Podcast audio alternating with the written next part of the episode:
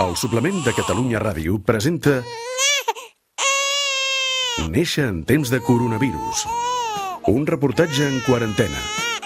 Amb Roger Escapa.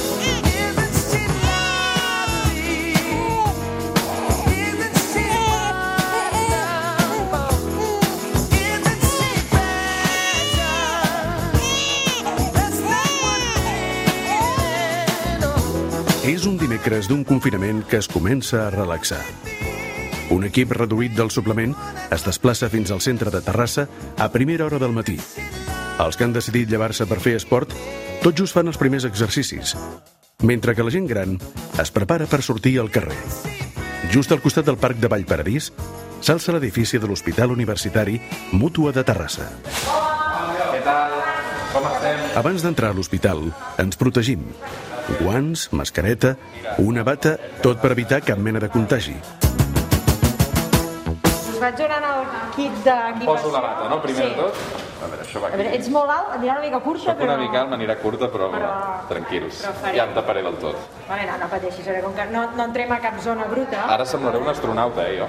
No, no, No? no, no, no, que va, que va. Em- em cordes tu? Sí, et cordo aquí darrere. Ara, si em dones les vetes del davant... Ah, això mateix. Vale, et lligo aquí.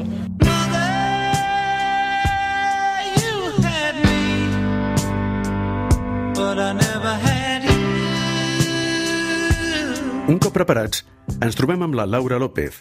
És infermera. Està embarassada de 3 mesos i mig i fa unes setmanes va donar positiu a les proves de coronavirus. Laura, com estàs? Pues molt bé, una mica nerviosa, però bé. Nen o nena? Uh, encara no estem segurs, creiem que nen. De quan estàs? De 15 setmanes, gairebé 3, 4 mesos. Tu ets infermera Sí, i ara estàs de baixa exactament. perquè has tingut el Covid-19. Sí, ara, bueno, ara estic per allà per un altre motiu, perquè ja l'he superat, però sí, em van donar la baixa per, per Covid. Quan el vas agafar? Uh, em van fer la PCR el 18 de març. Uh, ja portava uns dies amb símptomes, però malgrat això me la vaig fer perquè el meu pare va sortir positiu, va, va morir. Bueno, va ser la primera fase, a més no vam poder despedir-nos, ni acomiadar-nos, ni res, però bueno. Se t'ha juntat tot, no? Una mica. Però bueno, l'hem passat tot, tots a casa, al final l'hem agafat, clar. Jo tenia una mica de tos i per això me la van fer. I després sí que vaig tenir la pèrdua del gust i de l'olfacte. Però en principi una mica de tos, que jo vaig relacionar al principi amb tos... Soc al·lèrgica i bueno, la tos normal. Ni febre, ni, Res. ni mal de coll. Res.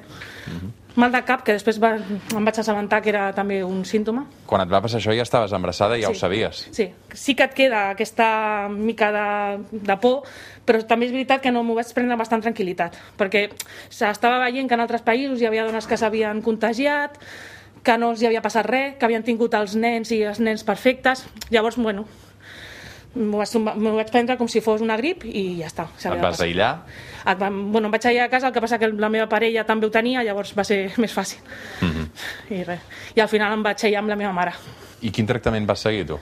Res, no... Paracetamol. Paracetamol quan em feia molt de mal al cap i ja està. Clar, tot això en aquest context de que estàs embarassada, no? Ara segurament ja has passat el pitjor, però aquest no serà un part normal, tampoc, per les mesures d'aïllament, perquè els hospitals eh, prenen unes precaucions diferents, els metges també, hi han menys consultes, hi ha, hi ha menys ecografies, no? Sí. Com t'ho planteges tu? Estàs només de 4 mesos, encara et queden 5 mesos per davant. Clar, jo crec que quan, això, quan arribi el meu moment, que serà ja a finals d'any, pues, a novembre, ja estarà la cosa més normal. I també tinc la, la tranquil·litat de que com que ja l'he passat i ja ha sortit negativa, pues, si no s'està mirant si hi ha recontagis o no, però jo crec que ja serà una mica més normal. Et faran més o menys controls que en el primer embaràs? Em fan els mateixos perquè jo tinc un embaràs de risc ja de base. Llavors em fan molts controls a mi. Has passat por? No. Angoixa per, per, sobretot per lo del meu pare o per gent que conec, companyes que han estat ingressades, això sí, però por no, per mi no. Mama, El de la Laura és un dels casos de dones embarassades que han donat positiu de coronavirus. Ara bé, hi ha milers que no s'han contagiat i que estan confinades a casa. Una situació que planteja nous reptes a l'equip mèdic i sanitari que les acompanya durant tota la gestació. Hola, bon dia. Què tal? Com La Gràcia Coll, Hola, què tal? si us farà tota la... Ara aquí dalt què, què hi ha? Aquí tenim sala de parts. Totes les senyores eh, apareixen en aquesta planta. Veureu que ara ho tenim una mica preparat per Covid. Vale? Tenim les sales totes aïllades perquè quan ens vingui una senyora de Covid la puguem ubicar correctament. Hi ha menys material per treure perquè tot aquest material s'hauria de, de llançar en aquesta situació. Marta Jiménez i Gràcia Coll, com esteu? Molt bé. Molt bé, gràcies. Expliqueu-me on som ara mateix. És la zona que, que fem els parcs naturals. Aquelles persones que volen tenir un parc natural sense gaire intervenció, etc. És aquí, aquí el que tenim és tot el material que facilita el poder estar més còmode la dona, etc. Mm. Vosaltres dues sou llevadores. Uh, us ha canviat molt la feina aquestes últimes setmanes? Sí, sí que ens ha canviat, ens ha canviat totalment la manera de treballar. De fet, el- la- l'atenció la, presencial, que és la que més eh, teníem abans, és la que, és la que hem hagut de, de potser no prioritzar, perquè no podien atendre les senyores, no podien venir a, al centre d'atenció primària, i d'aquesta manera el que hem fet és prioritzar l'atenció domici, domiciliària i l'atenció telefònica. Clar, eh, per tant, entenc que un dels primers missatges era dir, escolta'm, eh, dones embarassades que teniu moltes consultes o que teniu ganes d'anar al metge o que us toca una visita, eh, quedeu-vos a casa, ho fem per telèfon i, i si és greu, eh, doncs ja es desplaçarà un sanitari a casa vostra, no? Exactament, l'embaràs no... Una de les coses que sempre parlàvem és que l'embaràs no s'atura i el postpart i el porperi tampoc i la dona necessita unes cures i unes atencions durant l'embaràs i en aquestes primeres setmanes i primers dies de quan neix el nadó. Quan ens referim a l'hospital, també ho hem fet el mateix. Intentem limitar l'accés, però estem accessibles. Val? Els truquem, les persones es poden trucar. De fet, moltes, hem rebut més trucades últimament perquè la gent sé, és veritat que s'ha limitat molt a venir. Però clar, no podem oblidar que aquest és un servei d'urgències i que per tant han de venir. Han de venir eh, sí o sí, perquè el part es produeix i en aquell moment que es produeix doncs, ha de ser. I sempre que hi hagi una emergència, ells hauran de venir.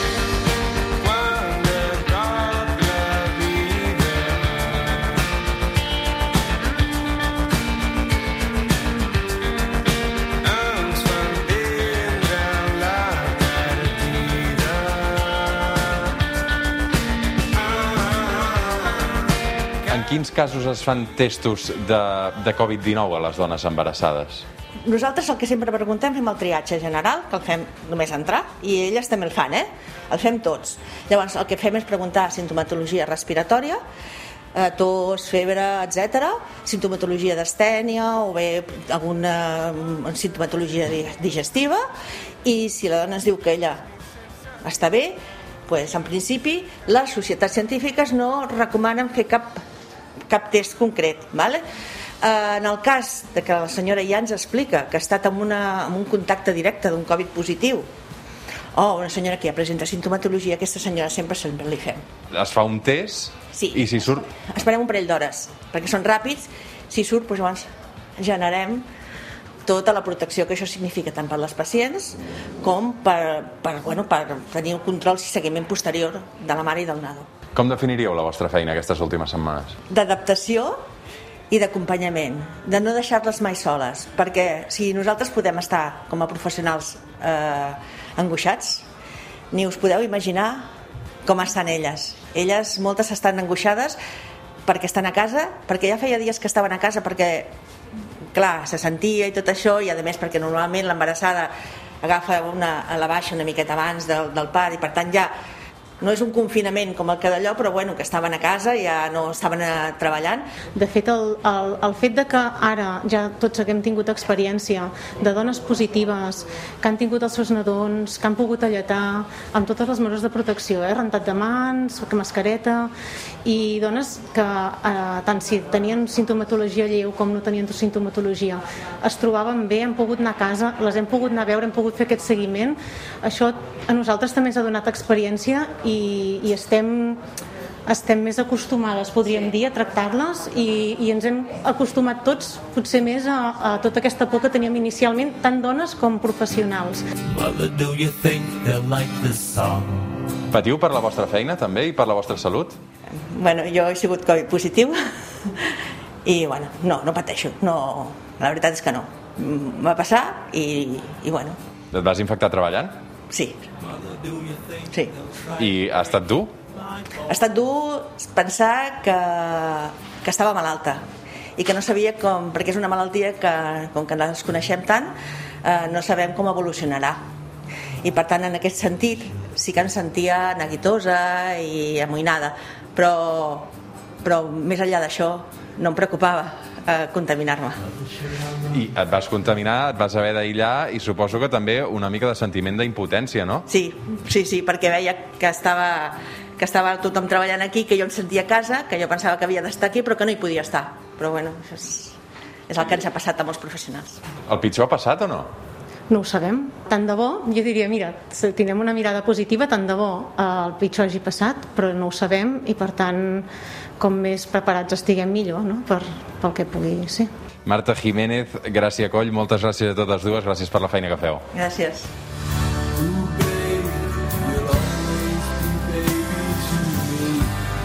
Sortim de la consulta.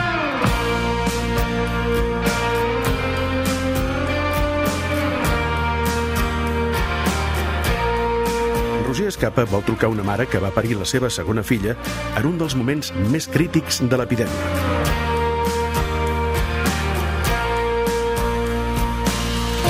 entrando en un bosque.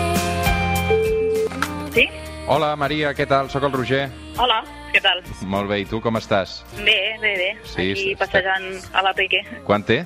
Doncs té quasi un mes i mig. Com va ser uh, parir en aquest context, Maria?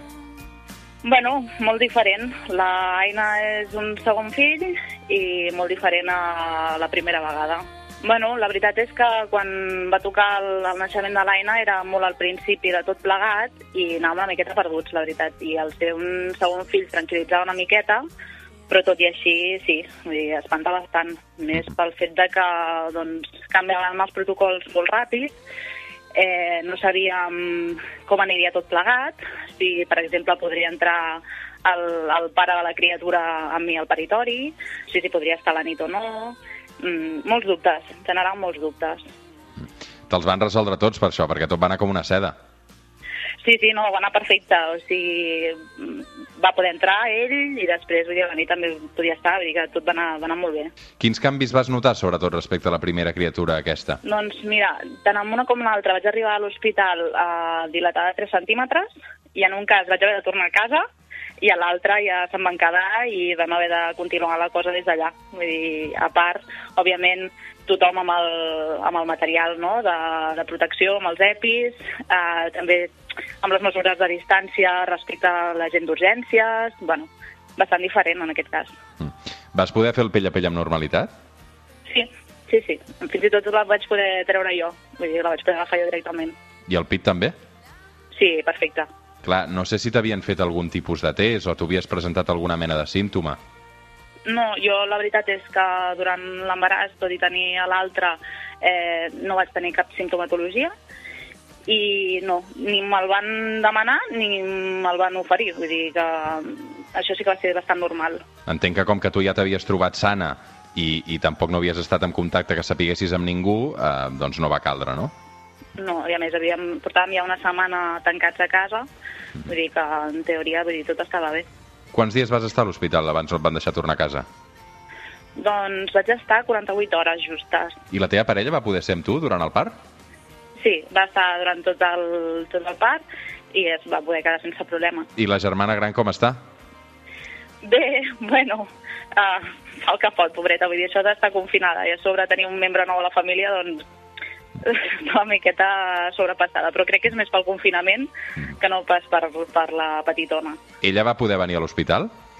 No, no. A l'hospital només deixaven entrar una persona. Això sí que ha canviat totalment. Vull dir, de, de passar el primer eh, naixement amb tota la família allà, eh, que és una miqueta allò a lo grande, a estar sola o amb, només amb, amb la parella a l'habitació, nosaltres ens havíem plantejat no? tot un, un ritual, per dir-ho d'una manera, de, doncs, fer-li la presentació de, de la germaneta i ens vam haver d'esperar a casa. Doncs escolta'm, moltes gràcies per compartir uh, la teva experiència amb nosaltres, Maria. Espero que tot vagi molt bé. Moltes gràcies.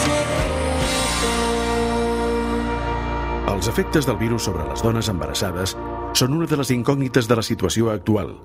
Anem a buscar una persona que ens resolgui dubtes. Hi ha el doctor Xavi Urquizu. Ara sóc jo el pare. Ara el meu fill d'enfadar i jo l'he d'escoltar. És vida, és llei de vida. Entrem a la consulta del ginecòleg Xavier Urquizu. Doctor, on som ara mateix? Estem a la sala d'exploracions de la sala de part on s'atenen les urgències i les visites que, que, que venen a la sala de parts. Una dona que es contagi pot transmetre el coronavirus al fetus?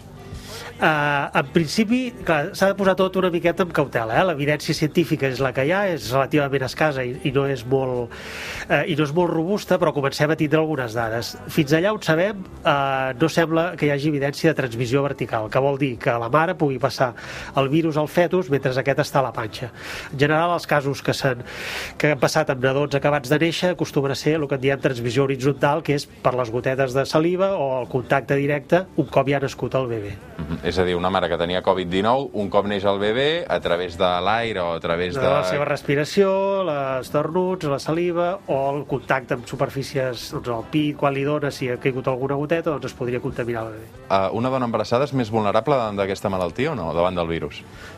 També amb tota la cautela possible per la falta d'evidència, però en principi fins allà on es coneix, no. La susceptibilitat de la infecció seria similar a la de la població general i, els, i la gravetat de les infeccions en les embarassades també són les mateixes de la població general. No, no, no s'ha vist que es comportin com un grup de risc, igual que sí que ho poden fer, per exemple, la grip. Doncs en aquest cas no, tenen a la major part de vegades qua, caso, eh, quadres lleus i, eh, i, i en algun cas doncs, sí que pot haver-hi algun episodi de més gravetat que requereix una atenció més especialitzada. Hi ha hagut casos, de, eh, evidentment, de dones embarassades amb el Covid-19 eh, que han acabat parint. Es considera un, un part del risc, aquest? Es considera un part del risc, primer, pel risc de transmissió, tant de cara al personal com als seus contactes del voltant, i perquè podria ser que en algunes situacions, sobretot en els casos més greus, sí que s'ha detectat que pot haver una mica d'alteracions del registre cardiotocogràfic, és a dir, el, el batec del bebè que es monitoritza durant el treball de part, doncs en, algun, en alguns casos, sobretot els més greus, doncs sí que, que hi ha una mica més, amb més freqüència alteracions d'aquest registre que t'obliga a fer una cesària o, o que complica una mica el part. Però en general, en els casos lleus, eh, seria igual que un part eh, sense la malaltia. I quan el nadó neix, eh, s'evita el pell en pell, per exemple? En principi, eh, el que hem de fer és informar bé la pacient de tot el que coneixem fins a aquest moment, de com es pot transmetre aquesta malaltia al nadó, i un cop informada que ella decideixi. La major part de recomanacions de la OMS i de les societats científiques catalanes i del Departament de Salut diuen que en principi, si la pacient vol fer el pell a pell un cop informada, seria recomanable, igual que l'alletament matern, sempre extremant totes les mesures de protecció higièniques de, i de mascaretes, neteja, etc per, per evitar aquest contacte que, que podria ser a través de les gotetes de saliva de la mare. Mm -hmm. Per tant, l'alletament tampoc està descartat, eh? No, no, no s'ha trobat virus a, a la llet materna i per tant aquest no seria una, una via de transmissió al nadó i per tant havent netejat prèviament les mans, la zona de la pell de les mames de la, de la dona i eh, amb la mascareta posada es pot eh, fer l'alletament inclús en les mares Covid positives. Cada matí una guerra, sí, joguets per terra. En general, tots els fills de mares Covid positives eh, es testen per saber si ho són o no, perquè a partir d'aquí se'ls hi fa un seguiment una miqueta més intens o relaxen una mica aquestes mesures de, de control. És a dir, si una mare amb Covid-19 té un nen, aquest nen se li farà un test per saber si també sí. és positiu o no. Tots els nens es testen mm -hmm. i se'ls hi fa un seguiment clínic eh, molt, més, molt més detallat que no un, un nen que acabi de néixer que d'una mare Covid negativa. Hi ha hagut un augment de naixements prematurs durant aquestes últimes setmanes, com a conseqüència també del context que tenim? Si mirem la població general, no, l'augment haurà sigut molt poc. Bàsicament, allà on podria... És veritat que s'ha relacionat la infecció amb el Covid amb un cert grau de prematuritat, però part d'aquesta prematuritat l'estem provocant nosaltres, els professionals, perquè el quadre, en els casos greus, ens obliga a finalitzar l'embaràs abans d'hora, eh, però com que els casos greus són molt pocs, eh, globalment, diguéssim, la prematuritat no ha augmentat. Eh, no ha augmentat. Doctor Quizu, moltes, moltes gràcies. Moltes gràcies a vosaltres. Canviem de planta. Accedim a una de les zones més restringides de l'hospital. Dins de les incubadores, nens i nenes que han nascut abans d'hora estan acabant de rebre els tractaments que els permetran viure amb normalitat. Al costat d'una de les incubadores hi ha la Nancy.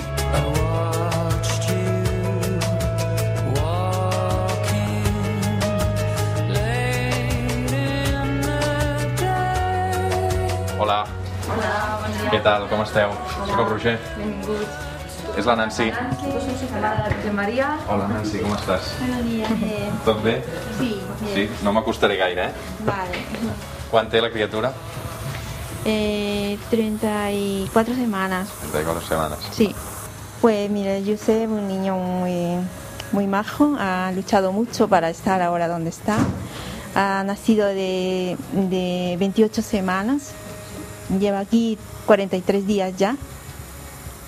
Y nada, ha pasado mucho, ha pasado mucho, y, pero lo importante es que está bien. Ho has passat malament, tu? Sí, los padres creo más que el niño. Sí, mucho temor, mucho miedo, mucha incertidumbre. Y bueno, es que me emociono y todo. Bueno, normal que t'emocionis. Està creixent bé ara, el nen? Sí, está muy bien. Dentro de los parámetros normales está muy bien. Què és el que més t'amoïnava? No sé, todo. Era todo.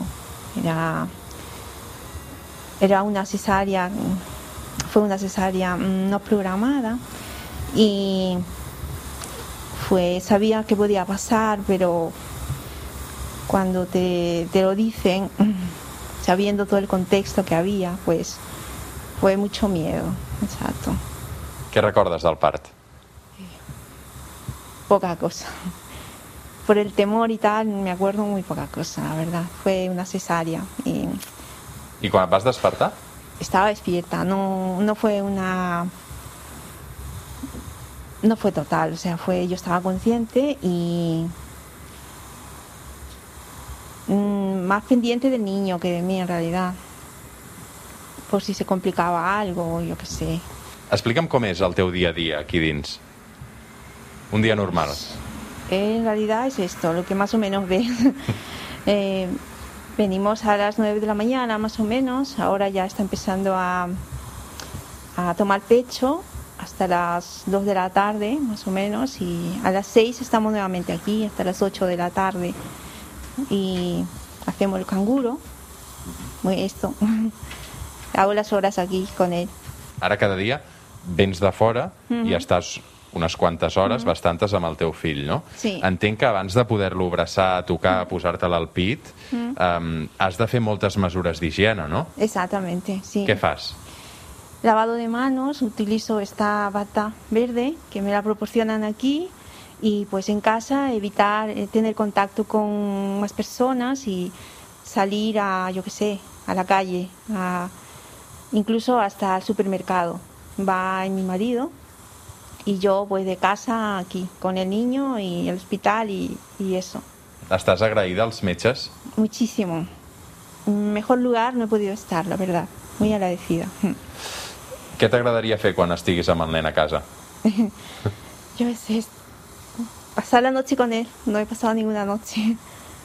Ver el otro lado, yo estoy, mm, hago horas aquí, pero de día, y de noche no, no sé cómo es estar una noche con mi hijo. Què li explicaràs quan es faci gran de la manera com va néixer? Pues tenemos muchas fotos, pues esto mismo, que han venido a hacerle, yo qué sé, fotos, Com es diu el nen? Josep María, Josep Maria. Nancy, molta sort moltes gràcies. a vosotros. mama like the roses she'd grow them in the yard but winter always came around and made the growing way too hard Ens tornem a trobar la Laura. Després de contagiar-se, les proves que ha anat fent han indicat que ja no té el coronavirus. Quan el teu fill es faci gran, li hauràs d'explicar que va néixer en un context diferent, no? Sí, no sé, bueno, li, això sortirà als llibres d'història, suposo.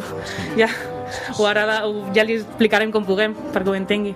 Però sí, sí. Saps com es dirà? Si, si és nen, sí, si és nena serà Alba, i si és nen, doncs no sabem si Raúl o Jorge o Sergio, o no sé, estem encara decidint el pare i jo. Molta sort, Laura. Moltes gràcies per tot. Oh, mama, like the roses in such a special way. We bring them them on her grave. Oh, Mama, like the roses.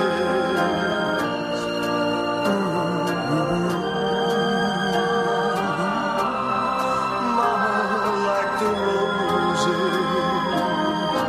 A Catalunya Ràdio, néixer en temps de coronavirus. Un reportatge del suplement. Amb Roger Escapa.